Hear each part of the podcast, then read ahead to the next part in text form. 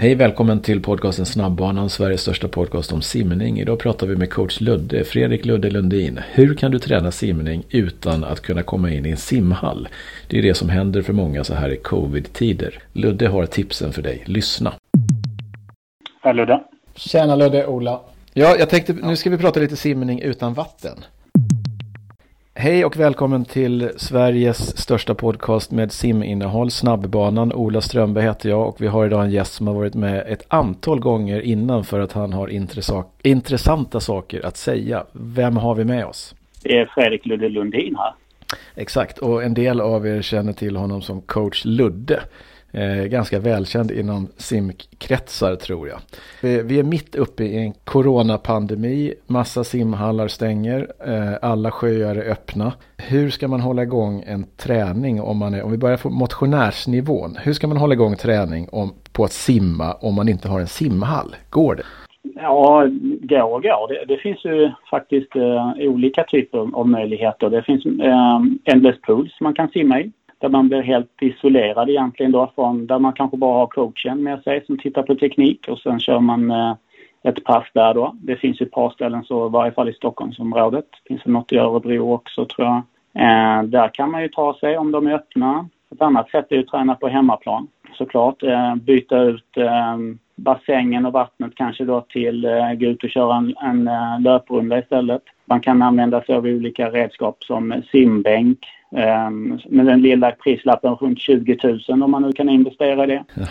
Um, så det, fin det, finns ju möjligheter så att man kan uh, träna. Men kanske bassäng är tufft just nu. Mm.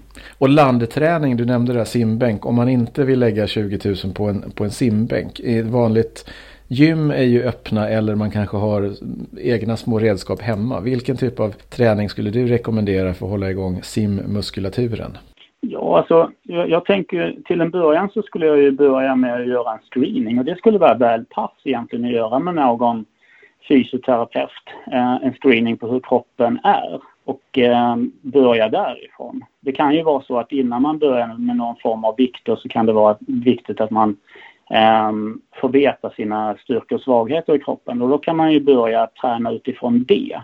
Så då kan man hålla på så i x antal veckor eller månader. Så sen när då själva sim, simhallarna öppnar igen, då är man på en högre nivå egentligen och kan börja träna på en bra struktur på en gång. Mm. Om man eh, har gjort en sån här en screening och man är, om vi säger så här att man är normal stark och vill spetsa till just simmuskulaturen. Finns det några speciella delar på kroppen som du tycker att men här måste man faktiskt vara extra stark eller göra prehab eller liknande för att utveckla sin simning? Ja, men det är ju att använda sig av rehabband. Det mm. tycker jag är ett äh, ganska enkelt sätt och, och det kräver inte så mycket varken utrustning eller plats i heller i hemmet. Um, där man kan köra olika inåt och utåt rotationsövningar för, uh, för leder och speciellt kanske axelleden för oss simmare. Mm. Så axlar är någonting som man bör hålla igång ordentligt om man ska hålla på med simning? Ja, det, det skulle jag verkligen uh, slå slag för. Men, men även då om man då ska börja springa lite grann, att man gör det väldigt försiktigt och att man inte drar på för långa löp runder på en gång och att man också jobbar då med knäled, um, fötter, uh, smidighet i hamstring, um, höftböjan. Mm. Mm. Och är löpningen någonting, kan man direkt översätta den till, alltså den aerobiska förmågan man får tack vare löpning, går det att direkt översätta den till att man också blir så pass mycket bättre under simmomentet aerobiskt? Jag vet inte, det, det finns olika forskning och rapporter kring det faktiskt, hur, hur nära det ska vara kopplat men jag ser ju ingen nackdel till att man eh, får en bättre fysiologisk nivå när man väl sen kan börja träna simning istället för att lägga sig i soffan och eh, börja från noll. Det känns ju rätt dumt faktiskt. Så att jag skulle verkligen rekommendera att ha någon form av eh, konditionsträning eh, och komplettera det till eh, ja, land, landträning med slangar exempelvis. Och det, bör, det kan vara ju cykel inomhus, det kan också vara ruddmaskiner och, och då löpning som jag varit inne på. Men det kan vara en raska promenader också. Mm. Eh, jag vet ju, eh, jag körde ju med ett elitgäng uppför Ham Hammarbybacken här i Stockholm. Ja, det var länge sedan, det var en fem sex år sedan kanske. Då gick vi upp för den, men då låg snittpulsen på 170 när vi gick upp för Hammarbybacken. Mm. Så att det är ju ganska bra träning och bra gå. Mm, sant. Hur mycket skulle du säga att om man är en medelmotionär och kör lite kanske triathlon eller öppet vatten och så. Hur, hur många gånger per vecka bör man få upp pulsen på en hyfsad nivå för att hålla igång konditionen? Är det två gånger i veckan, tre gånger i veckan eller vad tror du? Ja, alltså jag, jag brukar rekommendera varannan dag. Det, det, skulle jag nog tycka är ett bra sätt.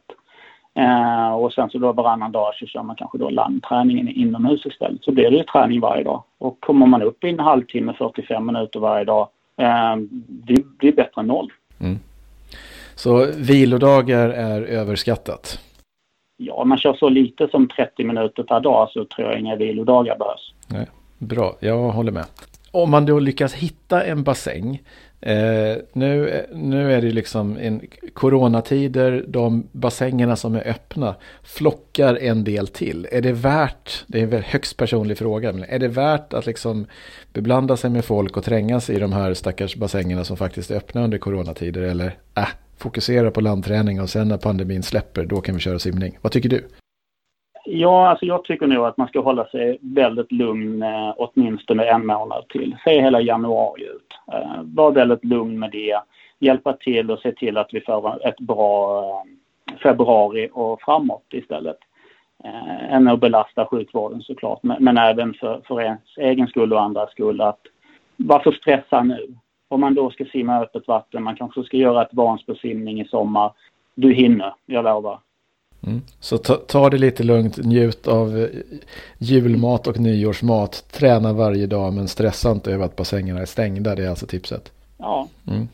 Om man tittar på eh, mer vanliga simmare i klubbar och liknande. Hur hanterar föreningar det i dagsläget? Hur hanterar liksom, de stora klubbarna den här situationen? Tränar alla på som vanligt eller hur funkar det? Det är väldigt olika och det har ju varit olika eh, restriktioner beroende på vilken region man har bott i, hur man bor i också ju. Det vet vi här under hösten har det varit väldigt olika. Så det har skiftat. Eh, just nu så är det ju väldigt lite träning. Eh, de som är i träning är ju de som är eh, yrkesidrottare egentligen. Det är bara de. Och det är inte speciellt många. Nej. Och just för då föreningarna som där de har barn och ungdomar som inte i dagsläget kan simma. Vilken typ av träning erbjuder föreningarna då? Som komplement om man säger så. Ja, alltså jag kan väl egentligen bara prata utifrån det som eh, simklubben Neptun erbjuder. Där, där jobbar, vi har ju två stycken som är eh, fysansvariga, alltså ansvariga för träning utanför eh, bassäng. De äger den bollen just nu och gör träningsprogram och det innehåller ju allt ifrån gång till löpning till landträning med slang eller vanliga handhävningar, burpees, vad det nu kan vara för någonting. Ehm, det är så vi gör det och vi skickar ut ett program som är 34 gånger i veckan ungefär. Mm. Och sen är det olika inriktningar då på svårighetsgrader där beroende på vilken ålder man är i och hur länge man har hållit på och simmat. Mm.